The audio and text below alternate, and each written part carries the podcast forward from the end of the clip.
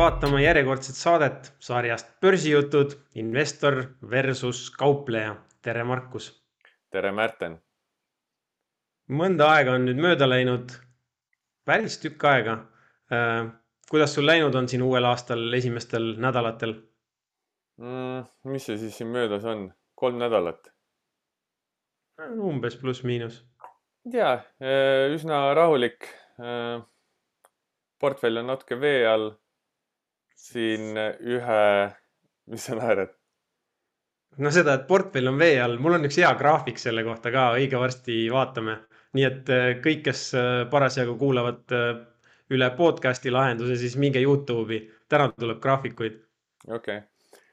väga hea, aga ei, üldiselt on normaalne ühe selle strateegia, mis ma eelmine aasta detsembris panin äh, töösse, mida ma näitasin ka eelmises saates, mis püüab see põhjakoristaja olla, et sellel ei ole nagu väga hästi läinud ja ega ausalt öeldes mulle see põhjakoristamine, ma saan, ma saan aina paremini aru, miks mulle ikkagi neid breakout'e ja tõusvaid aktsiaid meeldib osta, mitte kukkuvaid aktsiaid. aga noh, vara hinnata selles mõttes, et äh, ma usun, et tal on oma aeg, kui ta kompenseerib äh, teisi neid äh, tõusuaktsia ostmisi, aga üldiselt äh, jah, äh, vot siin on nüüd, kas ma vaatan äh, open või closed equity't, kuu lõpu equity't, et kui ma vaatan closed equity't, siis ma ei ole drawdown'is on ju, et, et pigem mm -hmm. enamus on tulnud ikkagi kasumite osalisest tagasiandmisest.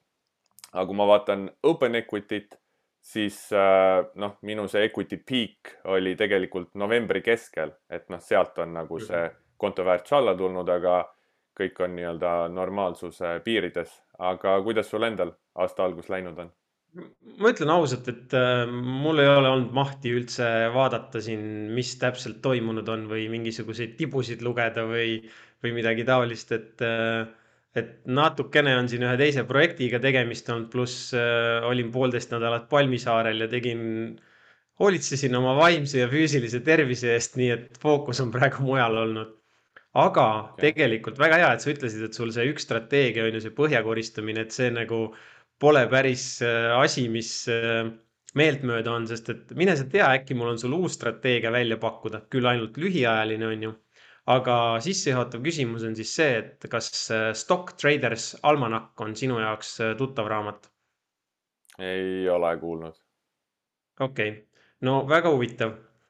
nii, kohe räägin siis lähemalt, et see on selline iga aasta avaldatav, põhimõtteliselt ma ütleks ikkagi tehnilise analüüsi äh, väljaanne, kus siis vaadatakse igasuguseid mustreid ja korrapärasid mm. -hmm.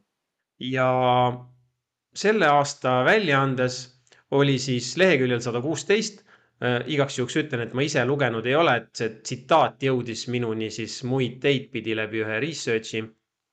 Et äh, on leitud ainukene tasuta lõuna äh,, mida siis kauplejad võivad minna üles korjama. Ja selleks on see, et kui sa lähed, vaatad ähm, New York Stock Exchange'i aktsiaid, mis kauplevad oma viiekümne kahe nädala madalamatel tasemetel ähm, sellel nii-öelda viimasel triple witching sessioonil enne jõule, ehk siis see on see optsiooni reede või neljapäev või, või mis iganes päev ta on. ja ja vot sellised aktsiad, mis siis äh, tollel hetkel kauplevad oma viiekümne kahe nädala madalamatel tasemetel, on äh, ajalooliselt siis järgmise kahe kuu perspektiivis ähm, olnud turgu edestavad. ja, ja põhjus on olnud siis see tax loss harvesting, mis, mis USA-s nagu populaarne on, ehk siis ehk siis kahjumispositsioonide mahamüümine aasta lõpus, et neid kahjumeid lukustada. et kuidas see sulle niimoodi esmapilgul tundub kusjuures äh, hiljuti vaatasin ühte kvantitatiivse kaupleja blogipostitust täpselt samal teemal, kus ta oli siis teinud äh, backtest'i ka see ja nimetas seda January effect oli selle nimi, et need aktsiad, mis äh, on siis uutes põhjades aasta lõpus, siis uue aasta alguses teevad paremini kui need, mis on siis äh, teinud oma uusi viiekümne kahe nädala tippe. midagi sellist vist oli, ma liiga palju mhm. sellele ei keskendunud, aga, aga mingi sarnane asi, et jaanuari efektiks vist äh, nimetatakse mm. -hmm. ja mida ma sellest arvan mm,? väga ei arva midagi, sellepärast et äh, ma ei hakka selle sellise arbitraaži või sellise kuu, ühe kuu jaanuari või mingi aasta lõpu suhtes äh, mingit soovmõtlemist tegema, et hea oleks äh, Just, ma olin jumala kindel, ma arvasin, et sa ei arva midagi ja sellepärast on mul nagu jätkusoovitus, et, et kuna sa oled nagu igavesti osav, on ju, sihuke koodikirjutaja ja testija, siis äh, äkki pole paha mõte testida, vaadata, kuidas äh, ma ei tea, viimase viie või kümne aasta jooksul läinud on sellel asjal ja, ja kuidas sellel aastal läheb, et äkki järgmistes saadetes saame jutuks võtta. jah, võib, aga noh, seal on see ma arvan, oletame, et kui seal on see et, et seitsekümmend, kaheksakümmend protsenti aastatest see toimib, on ju, ja siis kakskümmend, mm. kolmkümmend protsenti aastatest ei toimi. noh, ma ei näe, et see, mulle mingi, miskipärast see väga huvi ei ole pakkunud, see idee. et hakata nüüd aasta alguses kõvasti mingeid põhjasid ostma, et äh, ei, ei, äh, tõusvad aktsiad on need, mille väärtus tõuseb ja langevad aktsiad on need, mille väärtus langeb ja mulle see kontseptsioon istub paremini. selge pilt. aga uue aasta alguses siis äh, võtsin sinu dividendiinvestor e-blogi lahti ja oli sihuke pommuudis, et äh, kraaps aitäh ja hüvasti dividendid ja noh, sisu, kõik su fännid, mina kaasa arvatud, oleme seda sisu juba lugenud ja kes ei ole, saab minna lugeda. et ei pea seda sisu uuesti üle kordama. aga mina tahtsin küsida, et kui ma lugesin neid kommentaare seal, siis jäi natuke sihuke naljakas mulje, et mõnel, mõnele tundus, et sa nüüd kaod pildist ära ja paned oma veebilehele delete'i, kuigi mina sain aru, et vastupidi, just põnevamaks hakkab minema ja sa mitmekesistad oma portfelli lisaks dividendiaktsiatele, et mida sa neile tahad öelda, kes nüüd äh, veel jõululauas oma sugulastele ütlesid, et see dividendistrateegia on äh, kõige õigem, sellepärast et dividendiinvestor ka sellest kirjutab ja nüüd nad nii-öelda uue aasta alguses said siukse šoki ja ämbriga külma vett, et näed, dividendiinvestor läheb pensionile ära ja enam ei teegi midagi. no mis seal ikka muud, kui tsiteerime Karlssonit, et äh, rahu, ainult rahu, on ju, et ei ole siin tegu kannapöördega otseselt ka investeerimisstrateegias. ainuke asi, kus see kannapööre toimub, on see, et mida ma siis avalikustan oma rahakoti osas, on ju, et, et kuna ma näen, et mul noh, nii-öelda maksuefektiivsuse mõttes on mõistlik oma eraisiku portfelli pigem siin suurte majaehitusplaanide valguses likvideerida, siis, siis noh, seal on valdavalt nagu dividendiaktsiad ja, ja pigem ma täna tunnen, et, et väga paljud sellised minu põhjakoristuskatsed on ju need ettevõtted, mida ma tegelikult väga pikaajaliselt enam omada ei taha. Need on nüüd näidanud väga head kasvu eelmisel aastal ja, ja need on sellised pigem kõrge dividendimääraga ettevõtted ja, ja ma tahan tunda ennast vabalt, et ma võiksin need nagu maha müüa, on ju, ilma et ma näen, kuidas see dividendi mingi tulp seal graafikul kukub ja, ja tunnen ennast kuidagi pahasti või pean selgitama või, või mida iganes, on ju, et mm. et, et see loogika on seal kõik sama ja, ja noh, valdavalt eks ma jätkan seda dividendiaktsiate strateegiat eraisiku portfellis ikka, et, et suur osa nendest ettevõtetest jääb ikkagi kenasti portfelli, aga noh, mis seal see sihuke tahk on, on ju, mida ma võib-olla viimased kolm aastat juba olen rääkinud, et, et seal on vähe selliseid dividendiaktsiaid, mida, mida esimesena inimestel pähe tuleb, kui nad räägivad dividendiaktsiatest, on ju mingisugused telekomid ja ja, ja ma ei tea, pangad on ju, mis maksavad või, või energiasektori ettevõtted, mis maksavad väga kõrgeid äh, dividende hmm.. et ühes, ühesõnaga ära ei kao, blogi saab edasi lugeda ja. ja, ja blogi ära ei kao, et äh, võib-olla seal natukene hõredamaks muutub see asi, et, äh, et noh, tegelikult ma siin täna ka mõtlesin, et, äh, et kas ma hõikan ühe asja, selle uue projekti välja või mitte. mul on see launch kuupäev pandud hetkel kahekümne viies jaanuar ja, ja noh, tõenäoliselt ei taha täna erandit ka teha, et kakskümmend viis jaanuar ma tulen siis ühe uue uudise ja, ja loodetavasti jälle pommuudise ja väga laheda projektiga välja, et, et ei ole veel tegelikult ka kindel, kas ma blogisse selle kirja panen või läheb ainult äh, meililistis olijatele. et kes äh, kindlasti tahavad kuulda, millega tegu, siis pange ennast äh, blogis sinna meililisti kirja. väga põnev, väga põnev, peale saadet lähen teen ära. Aga, aga kui, kui äh, siin uudistest rääkida, siis äh, ma võib-olla hõikan vahele ise ka, et äh, kes mäletab, oktoobris me rääkisime, et ma teen Äripäevas seda börsikauplemisega alustamise koolitust, siis ma tagasisidet ise ei näinud, mis osalejad Äripäevale jätsid, aga ise kuulsin ainult nii palju, et Äripäev tahtis nüüd veebruaris seda uuesti teha. Et kaksteist veebruar, laupäev tuleb see uuesti, saab osaleda nii klassiruumis kui Zoomi vahendusel, kes ei taha või ei saa Tallinnasse tulla. et äh, keda see börsikauplemisega alustamine või see koolitus võib kõnetada, siis ma jätan saate alla lingi, võib täpsemalt vaadata. väga hea, mina kindlalt soovitan, ma ei ole sellel asjal osalenud, aga eelmine kord ma ka rääkisin, on ju, et kõik ka asjad, mis me koos oleme teinud, kus sa oled rääkinud oma sellest süsteemsest lähenemisest, et nagu thumbs up, noh. Okei okay,, aitäh. nii, aga järgmine teema, mille ma lauale toon, on äh, kuidas ma nüüd seda siis niimoodi viisakalt serveerin? okei okay,, ma ei, ma ei serveeri viisakalt, ma ütlen otse ähm,. ärge kuulake nagu neid äh, või ühesõnaga, ärge uskuge kõiki meedia pealkirju, ärge uskuge kõiki narratiive, mida teile ette räägitakse. Ehk siis äh, üks asi, millest äh, mina eelmisel aastal väga palju kuulsin, lugesin ja nägin, oli, oli siis see jutt, et et SNP viiesaja aktsiaindeksit ja seda tootlust vedasid viis suurimat ettevõtet. seis on siis selline, et viis suurimat top viis Apple, Microsoft, Amazon, Alphabet ehk Google ja Tesla moodustavad ligikaudu kakskümmend kolm protsenti SNP viiesaja turukapitalisatsioonist. Ja, ja kogu aeg kedrati, et vot need tugevad ettevõtted veavad siis SNP viiesaja indeksit, et ülejäänud on kõik seal on ju sihuke prügikala ja sealt ei tule midagi, et tootlus tuleb nendest suurtest tehnoloogiaettevõtetest. ja noh, maru lihtne on seda asja kontrollida, sest meil on olemas selline äh, ETF, mis võtab kõik need viissada SNP viiesaja ettevõtet ja kaalub need mitte turukapitalisatsiooni alusel, vaid võrdsete osakaaludega.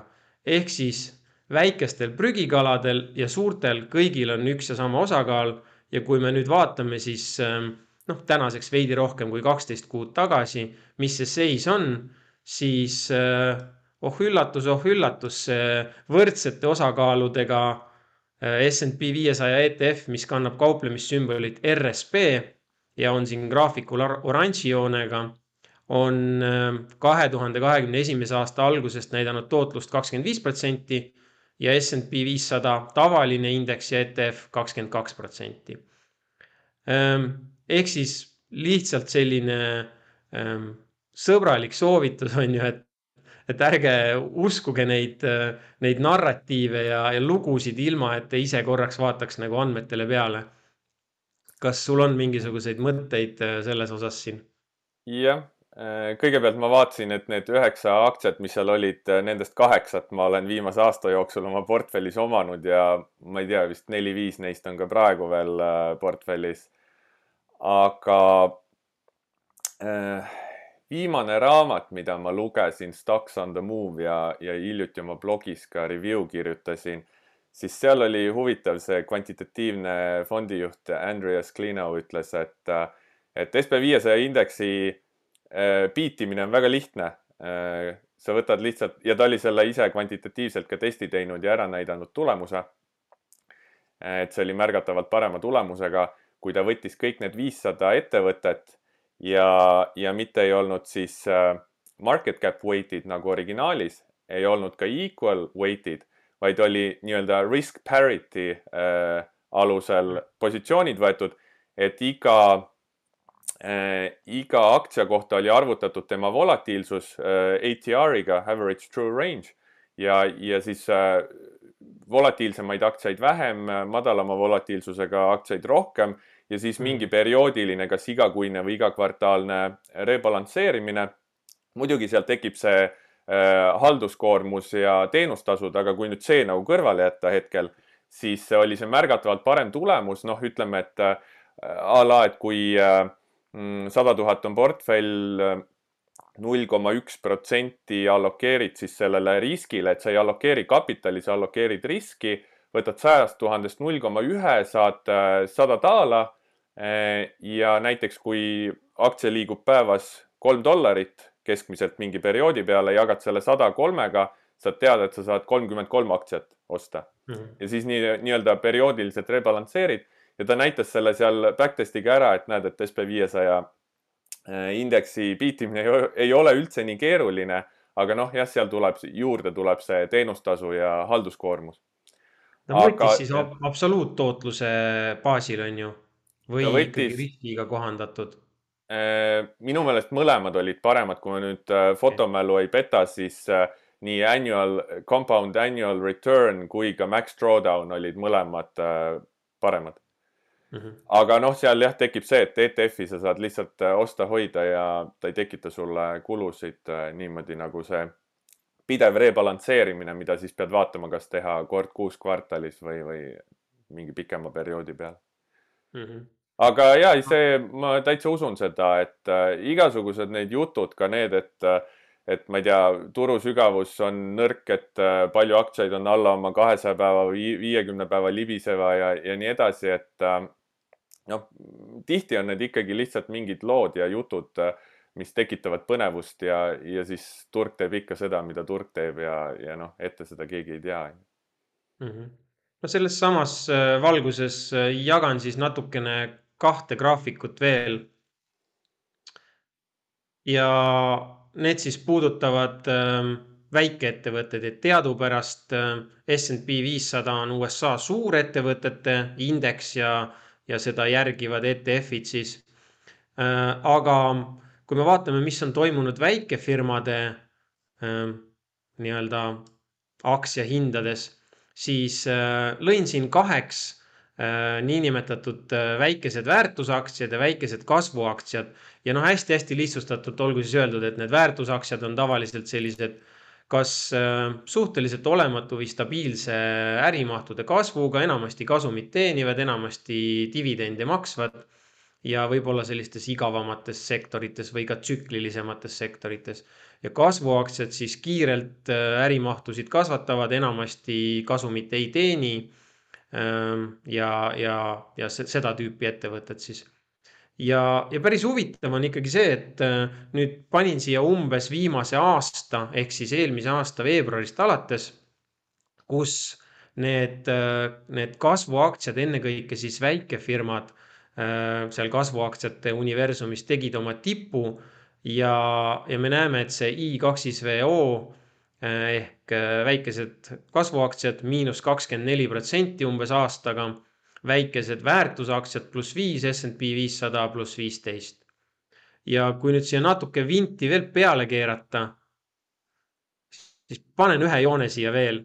see tumeroheline ja alumine on siis ARKK ehk siis äh, ma ei tea, kas sellel aastal enam saab öelda, et Star fondi juht, aga eelmisel aastal vaieldamatult Star fondi juht Käti Woodsi poolt ähm, Äh, juhitud siis need ARK Innovation ja, ja kõik need ARK-i perekonna aktiivselt juhitud ETF-id, et, äh, et lihtsalt selleks, et näidata, kuidas kõik on turgudel tsükliline ja kõik pöördub, et, äh, et kaks tuhat kakskümmend ikkagi väga hoogsalt ju ja räägiti ja kaks tuhat kakskümmend üks veel esimesed kaks kuud ka, et noh, groundbreaking ja maailma muutev ja ja kõik need popid sõnad, et, et kõik need ettevõtted löövad suured dinosaurused troonilt ja, ja väikeste innovatiivsete ettevõtete päralt on, on maailm.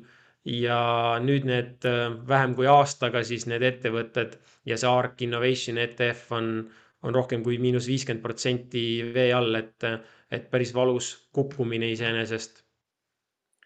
jah kas, äh, kas sina oled nagu, Markus, selle Cathy Woodsi ja Arki tegemistega kursis või pigem mitte? ma kusjuures eile just vaatasin selle Arki graafikut ja vaatasin, palju ta on tipust alla tulnud, palju ta oli eelmine aasta, lihtsalt huvi pärast Twitteris aeg-ajalt keegi tweetib midagi selle kohta, siis on silma jäänud. ja väga sisu ei tea, aga noh, ütleme nii palju, kui kuskil pealkirjades ja meedias on läbi käinud. natuke olen vaadanud ja minu jaoks lihtsalt huvitav kaasus ka see, et enne eelmist aastat tal tegelikult oli ju alates seal mingi kaks tuhat kuusteist, kui ta Arkiga alustas äh, väga hea tõus, väga kõva tõus, kaks tuhat kakskümmend mhm. eriti. ja minu arust see on üks hea näide sellest äh, üleüldse riski võtmisest ja drawdown'ist, et äh, vahel võib jääda mulje, et, et äh, head kauplejad või head investorid, et nad nagu raha ei kaota, et nad ainult teenivad, aga kui sa raha ei kaota, kui sul ei ole neid drawdown'e, neid miinusperioode, siis järelikult sa ei võta piisavalt riski, et äh, oma potentsiaali äh, nii-öelda maksi-, maksimeerida. et loomulikult see miinus viiskümmend protsenti on natuke liiga palju, et sellist asja ei tahaks oma portfellis läbi teha, knock on the wood. aga noh, kunagi ei tea, on ju, ja, ja temal võib-olla ongi see strateegia natuke riskantsem äh, kasvuettevõte, et äh, ostab kukkumisel juurde ja keskmistab oma ostuhinda, on ju, mida, mida ma ise ei tee. ja, ja kõik see võib selleni viia, on ju, et ongi miinus viiskümmend protsenti. ma otseselt maha veel ei kannaks, et äkki ta ikkagi teab, mida ta teeb ja tuleb sellest august välja. aga, aga jah, minu jaoks lihtsalt huvitav vaadata, et et äh, nagu ka eelmises saates rääkisin, nende mingi perioodiliste äh, nii-öelda raskuste või selle valu tundmine ja läbitegemine, kui portfell on äh, drawdown'is ja noh, ilmselgelt temal on hetkel see aeg ja saame näha, et kuidas ta sealt uutesse tippudesse tuleb, kui tuleb. eks tal on üks suur selline taak ka kanda, on ju, et kui ta alustas äh, oma strateegiaga, siis see, need fondid olid kõik päris pisikesed ja tema fookus valdavalt, kui me jätame Tesla kõrvale, on äh, väikesed kasvuaktsiad ehk väikese turukapitalisatsiooniga. me räägime seal võib-olla kaks miljardit kuni ma ei tea, kakskümmend või nelikümmend miljardit äh, turukapitalisatsiooniga ettevõtted. ma ei usu, et tal neid väga üle viiekümne või üle saja, saja miljardi kapitalisatsiooniga asju seal tüki järgi palju on ja, ja kui, kui su fondi maht läheb ikkagi nagu väga suureks, on ju, või kasvab hüppeliselt ja kordades, siis, siis see mäng muutub, on ju, et sa lihtsalt ei saa oma investeerimisstrateegiat senisel kujul ka enam ja senisel viisil rakendada mm,. jah, aga noh, tema vist on ka ikkagi pigem investor, et ta ostab neid asju juurde, kui nad kukuvad ja noh, ta ei lähe ju nii-öelda ei võta kaitsvamat positsiooni, kui turg tema vastu läheb. fondijuhina ja strateegia mõttes jah, aga nii kui fondist läheb ju raha välja, siis sa pead oma strateegia viskama aknast välja, et sa pead müüma. sul on raha vaja, on ju, et fondi mm. lunastusi mm. finantseerida. ja, ja noh, nagu teame, siis see fondide tabamine ja ajastamine vist äh, paljud investorid, ma olen lugenud, kuulnud, teevad seda nagu valel ajal, et äh, müüvad siis, kui on juba kõva kukkumine ära olnud ja ostavad fondi siis, kui on äh, hea ilus aasta selja taga, et äh, kuidagi nagu tahakski öelda, et see kaks tuhat kakskümmend kaks saab nüüd olema nagu huvitav aasta selles mõttes, et, et kui äh, nagu mingi osa investoreid on, ma ei tea, miinus kolmkümmend, miinus nelikümmend, miinus viiskümmend protsenti vee all, et kas siis tuleb see murdumiskoht, et et noh, väga sageli see miinus viiskümmend on see viimane viimane vaata sihuke kruvi keeramise koht, et seal visatakse, seal visatakse siis kuidagi nagu kinnas ära ja öeldakse, et hea küll, fine, võtame lossid ja lähme, lähme edasi. ja, aga see on nagu noh, nii kaugele üldse laskmine, et äh, mulle, ma ise näen täna, et kui turg läheb mu vastu ja, ja võtan väikseid kaotusi, siis äh, ka uute positsioonide risk läheb madalamaks ja rohkem raha tekib portfelli, et äh, ma olen praegu vist mingi kolmandikuga juba rahas ja kui see verelaskmine siin lähinädalatel jätkub, siis see rahaosa ainult tõuseb ja, ja lõpuks mul on ilmselt rohkem raha kui äh, aktsiaid, kui peaks pöörama karuturule. et äh, mulle nagu meeldib see, noh, vaikselt nagu raha osakaal tõuseb ja aktsiate osakaal väheneb ja kui turud jälle tõusma hakkavad, pöörab nina ülesse, siis läheb jälle vastupidi, siis hakkan jälle nagu riski juurde võtma. portfell kasvab, see protsendirisk portfellist kasvab. et see on kuidagi mugavam. mina oma maailmas vaata, ma ei, ma ei loe nende kauplejate edulugusid, kes kaks tuhat, kaks tuhat kaheksa oma ostuhinda keskmistasid ja lihtsalt täiega rahaga sisse mm. sõitsid, on ju, et ma saan aru, et see investeerimismaailmas pika horisondiga võib see olla erinev, aga noh, kauplemismaailmas äh, ma ikkagi loen nende edulugusid täna, kes äh, võtsid väikseid kahjumeid, läksid rahasse, kui trend pöördus, kaitsid oma kapitali, et ja, kaubelda. Noh, need äh, saatevaatajad ja kuulajad meil on praegu nagu eelisseisus minu ees, et mina ei saa tagasi kerida ja kuulata, kuidas täpselt Markus sõnastas, et, äh, et miks tal juba kolmkümmend protsenti portfellist cash'is on, et äh, ähm, ma saan aru, et sinu, noh, sa ei ennusta on ju midagi, aga sinu tehingud ja strateegiad on siis näidanud seda, et midagi turg on nagu hõredam ja mingid trendid on pöördumas või, või tõusuhoog ei jätku enam nii hästi, saan ma õigesti aru? Nojah, hetkel äh, USA turg minu jaoks on ikkagi tõusul ja lihtsalt pullback tagasitõmme ja nüüd on üsna äh, selline kriitiline toetustaseme koht, kus on minu jaoks see, et make it or break it, et kas nüüd kukub edasi ja mul tuleb veel rohkem raha portfelli või hakkab siit mingisugune äh, järgmine tõus ja taastumine aga seda ma ei ennusta ja seda ma ei tea, keegi ei tea seda, et reageerib lihtsalt paika pandud reeglid reageerivad sellele. Ja, ja nii on ja tagantjärgi oleme alati kõik targemad, on ju, et. vot see on üks küsimus, mida ma tegelikult täna hommikul siin oma hommikusi vibutusi tehes ehk või võimlemist tehes mõtlesin, et ma tahan sinu käest küsida, et, et sa oled täiesti USA turukeskne ja pärast räägin natuke detailsemalt ka, miks see mulle endale võib-olla veidi vastumeelne hetkel on, aga, aga, aga mis siis, kui USA-s on ju see, see hoog ja tugevus ja, ja regioonide mõttes see eestvedamine ja liidimine saab läbi, on ju järgmiseks äh, kolmeks, viieks või seitsmeks aastaks. ma tean, et sa kaupled SNP viiesaja ETF-i, aga kas sa ei ole mõelnud, et võiks sinna juurde võtta äh, Stocks äh, Europe kuussada ETF-i, Jaapani, Hiina, ma ei tea, arenevate riikide ETF-i mm,? Ma ei tea, mul on võib-olla vale mulje jäänud, aga kuidagi need Euroopa Stoxx kuuesajas on rohkem sellised äh, suured dinosaurused või, või vanakooli ettevõtted äh,. ma arvan, et see regiooni tähtsus, ma saan sellest regiooni tähtsusest aru, aga mulle tundub, et see tänapäeva maailmas on äh, vähem oluline kui kakskümmend, kolmkümmend aastat tagasi lihtsalt sellepärast, et see kogu börs ja maailm on äh, palju globaalsem ja USA-s on lihtsalt seda tehnoloogia ja ka arenevate ettevõtete osakaal nii suur, et see ei ole võib-olla enam otseselt seotud sellepärast, et see oleks USA või mitte USA, on ju, et on lihtsalt see, et need USA ettevõtted ju ka tegutsevad globaalselt ja, ja neil on tegevus ja kliendid äh, üle maailma. et kui nüüd USA turul mingi kõva hapukurgi hooaeg tuleb, siis äh, noh, ma ei tea, miks peaks Euroopa või Aasia hullult äh, tugevam olema või, või vähemalt siis minu nagu lühiajalisema kaupleja vaatenurgast võrreldes pikaajaliste investoritega. et ma arvan siis äh, ma lihtsalt keskendungi võib-olla rohkem lühiajalisematele swing'i tehingutele mm. -hmm. ma hüppan siin oma viimaste graafikutega nüüd sisse. no hüppa. Ehk siis see täpselt sobib siia, no nagu kirss tordile, see, millest me rääkisime. Äh, jah, ma tean, et kaks tuhat kakskümmend kaks on äh, väga vähe kestnud, aga see trend ja, ja nende sektorite äh, nii-öelda performance'is on, on tegelikult juba mõnda aega kestnud. Ja, ja noh, sellel aastal selgelt ja võib-olla viimastel kuudel tervikuna on esirinnas meil energia ja finants ja, ja nõrkust on näitamas siis tehnoloogia, tervishoid ja, ja tsüklilised tarbekaubad, mis on siis igasugused kestvuskaubad äh, nagu ma ei tea, elektroonika, mööbel, riided, mida iganes.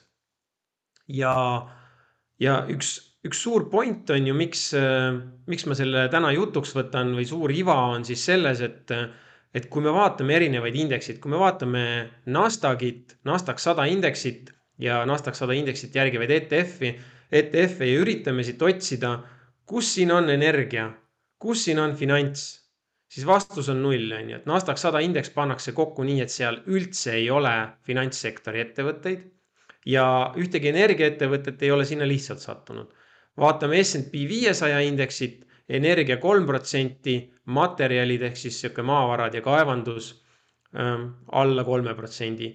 vaatame Stocks Europe kuutesadat, materjalitööstus ehk kaevandajad ja muu taoline üheksa protsenti, energia neli protsenti.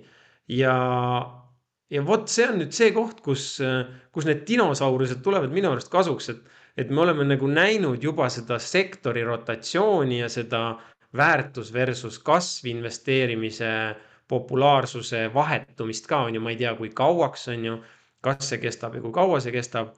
aga no minu arust on tagumine aeg üle vaadata korraks, et mis indekseid ma ikkagi oma portfellis oman ja kui sa usud siiralt näiteks seda, et ähm, inflatsioon ei ole taanduv, vaid inflatsioon meil jääb mõneks ajaks äh, keskmisest kõrgemaks, siis kust see täna tulnud on, on ju, noh, toorained energiakandjad äh, igal mitmel erineval moel.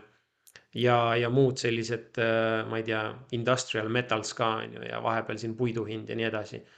ehk äh, miks mitte siis vaadata ja hoolitseda selle eest, et, et ka need sektorid oleksid oma portfellis kenasti olemas. ja, ja nad saavadki olema, kui graafikud seda näitavad ja suhteline tugevus äh, kaalukausi nende väärtusettevõtete energiamaterjalid, industrials, muu kasuks pöörab, aga kas me mitte aasta tagasi juba ei rääkinud sellest äh, energia, väärtusettevõtete ja tehnoloogia rotatsioonist äh,? minu arust juba kaks tuhat kakskümmend lõpp äh, löödi seda kella, et see rotatsioon on äh, mingil määral võib-olla oligi eelmine aasta, kuigi noh, minu portfellis äh, minu portfellis olid ikka parem, parimad tõusjad äh, Google, Nvidia, Microsoft, äh, Tesla, AMD, noh, et äh, mul oli ka mingeid energiaettevõtteid, mis seal aasta keskel ju, juuli-august äkki pihta said, stoppidega välja läksid ja mõned neist tulid aasta teises pooles hiljem tagasi portfelli. aga noh, see, et kas see põhjus saab olema inflatsioon või mitte, see minu jaoks rolli ei mängi, minu jaoks saab rolli mängima see, kui need aktsiad hakkavad tõusma ja kiiresti tõusma, siis äh, jõuavad nad portfelli sellel põhjusel, mitte siis sellepärast nagu..., et mingi. kui pikalt sa seda momentumit, noh, kui, kui pikk see momentum peab olema, et nagu noh, kolm kuud on vähe, kuus kuud ülesse, siis kolm... jõuab sinu radarile või? Äh, olenevalt, vot ma püüan äh, ajahorisonti hajutada, kolm, kuus, kaksteist kuud on põhilised, mida vaadatakse. kaksteist on minu jaoks natuke pikk aeg, pigem kolm kuni kuus. Sellest lühem on pigem mean reversion, swing mm. -hmm. et momentum tahab natuke aega. aga jah, ei tea, praegu mul on midagi, midagi sealt portfellis, aga aga hetkel. tahtsingi tegelikult küsida, on ju jätkuküsimusena, et kas energia, materjalitööstus ja, ja finants on sinu portfelli jõudnud või, või sul on, okei okay,, sul on see oht ka, et sul on lihtsalt tikerid ja seal taga on tühjus, on ju, et, et ja. sa ei vaata sinna sisse.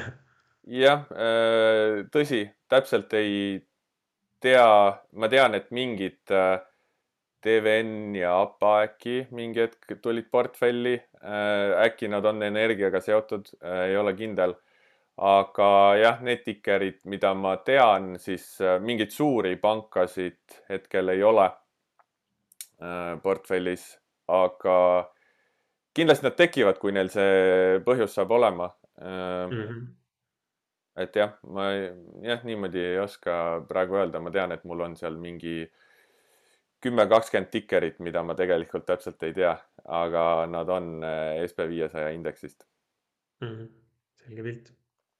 aga ütle sellist asja, rääkides nüüd seda, kuidas eh, raha koguneb portfelli, et seesama raamat, millest ma enne rääkisin, Stocks on the Move, mida lugesin ja ma ei tea nüüd, kas seesama autor, aga, aga meenus mulle, et kuskilt podcast'ist kuulsin täpselt sama asja, võis olla sama inimene, ma ei ole kindel. Eh, aga kirjeldas siis oma kaks tuhat kaheksa finantskriisi aega fondijuhina, kui iga päev nad vaatasid üle, millisesse panka oma raha panna, et milline USA suurpank järgmise kahekümne nelja tunni jooksul vähima tõenäosusega pankrotti läheb. et kus oma raha hoida, sest keegi ei usaldanud kedagi, ei usaldanud pangad üksteist, ei usaldanud fondijuhid pankasid. ja te, see raamat kaks tuhat viisteist kirjutatud ja tema konkreetne soovitus oli seal, et ärge ala, alahinnake seda, et selline olukord ei võiks uuesti eh, tekkida. et kui lähed oma maaklerkontol aktsiatest rahasse siis ära ole cash'is, vaid ole mingites äh, rahainstrumentides, kas siis riigi võlakirjad või mis iganes, lihtsalt selleks, et kui selline finantskriis tekib, et äh, pangad ja maaklerid hakkavad vasakule-paremale pankrotti minema ja susse püsti viskama, siis rahast oled sa suure tõenäosusega ilma, see on siis see, kuidas tema seda asja väljendas. aga kui sul on mingisugused väärtpaberid, siis neid väärtpabereid on sul läbi bürokraatia hiljem ikkagi võimalik enda kätte saada. et mm -hmm. kuidas sina sellele asjale mõtled, noh, sa ilmselt oled pigem väärtpaberites kui, kui rahas, aga mida sa minusugusele kauplejale soovitaksid, et kas on see mingi võlakirja minek või mingi rahainstrumendi otsimine ja millise instrumendi otsimine mõttekas? noh, korraks tagasi minneski sinna aastatesse kaks tuhat kaheksa, üheksa, siis mina fondijuhina istusingi selle võlakirjade tooli peal ja iga nädal, iga kuu tuli seda vaba raha nüüd kontole, kuna equity mehed müüsid ja, ja siis ma ostsin Saksa, Prantsusmaa, Austria võlakirju on ju hand over fist, et, et mitte kusagil ei tahtnud seda raha kontol hoida ja hoiustas täpselt samamoodi, et nii oligi, et panime otse riigi võlakirjadesse ja, ja läbi ETF-ide siis mingitesse võlakirjafondidesse ka. täna ma ütleks, et meil on kümme pluss aastat keeratud nüüd kruvi finantssektorile regulatsiooni mõttes peale ja ikkagi väga-väga tugevalt ja, ja, ja valusalt mõnes mõttes. et äh, ma tahaks öelda, et kui meil tuleb järgmine mingisugune väga suur kriis ja krahh, siis äh, finantssektor ei ole see kõige suurem riskikoht ja, ja mitte enam sellisel kujul, et noh, väga palju on kogu see maailm ikkagi edasi arenenud äh, tarbija või, või siis nii-öelda hoiustaja jaoks turvalisemaks. et äh, ma ise täna nii palju ei muretseks selle pärast ja, ja toona nagu Eestis vähemalt oli veel lisaks äh, see mure, et, et meil oli ju Eesti kroon ja, ja siis olid need devalveerimise ohud ja jutud ka on ju aktuaalsed et täna on see risk ka suuresti maas. aga nüüd vaadates täna puhtalt eraisiku seisukohast, siis ähm, noh, me teame, me mõlemad oleme natukene ikkagi seda Interactive Brokers'i äh, riskihaldust ja investorkaitsesüsteeme või, või neid äh, pakette on ju natuke lugenud ka ja kursis, et, et äh, noh, võib-olla ma, ma ise nagu väga ei kardaks seal, et, et IB on käinud läbi ikkagi noh, umbes nii paljudest kriisidest, et kuuekümnendast või seitsmekümnendatest alates on see firma tegutsenud, et ma nagu väga ei kardaks, on ju, aga no selgelt ka ma ei hoiaks poolt, poolt portfelli rahas seal, seal nagu IB kontol, et, et ma tõenäoliselt ostakski mingisuguseid kui ikkagi päris, päris krahh ja kriis on ja, ja väga suured riskid ja, ja noh, tõsine karuturg, kus me oleme sõitnud alla kuus, üheksa pluss kuud juba ja no mitte mingit valgust kusagilt tunnelist ei paista. et siis ma tõenäoliselt istuks võlakirja ETF-ides, mingi rahaturu asjades, isegi kui nad toodaks mulle, ma ei tea, miinus üks protsent aastas on ju. ja okei okay., see tundub nagu hea plaan, aga ma hakkasin mõtlema, et iibe näitel seal ju vist tihti need väärtpaberid ei ole üldse sinu nimel, et kui need on iibe nimel, need võlakirjad, siis on vist vähe kasu nendest või?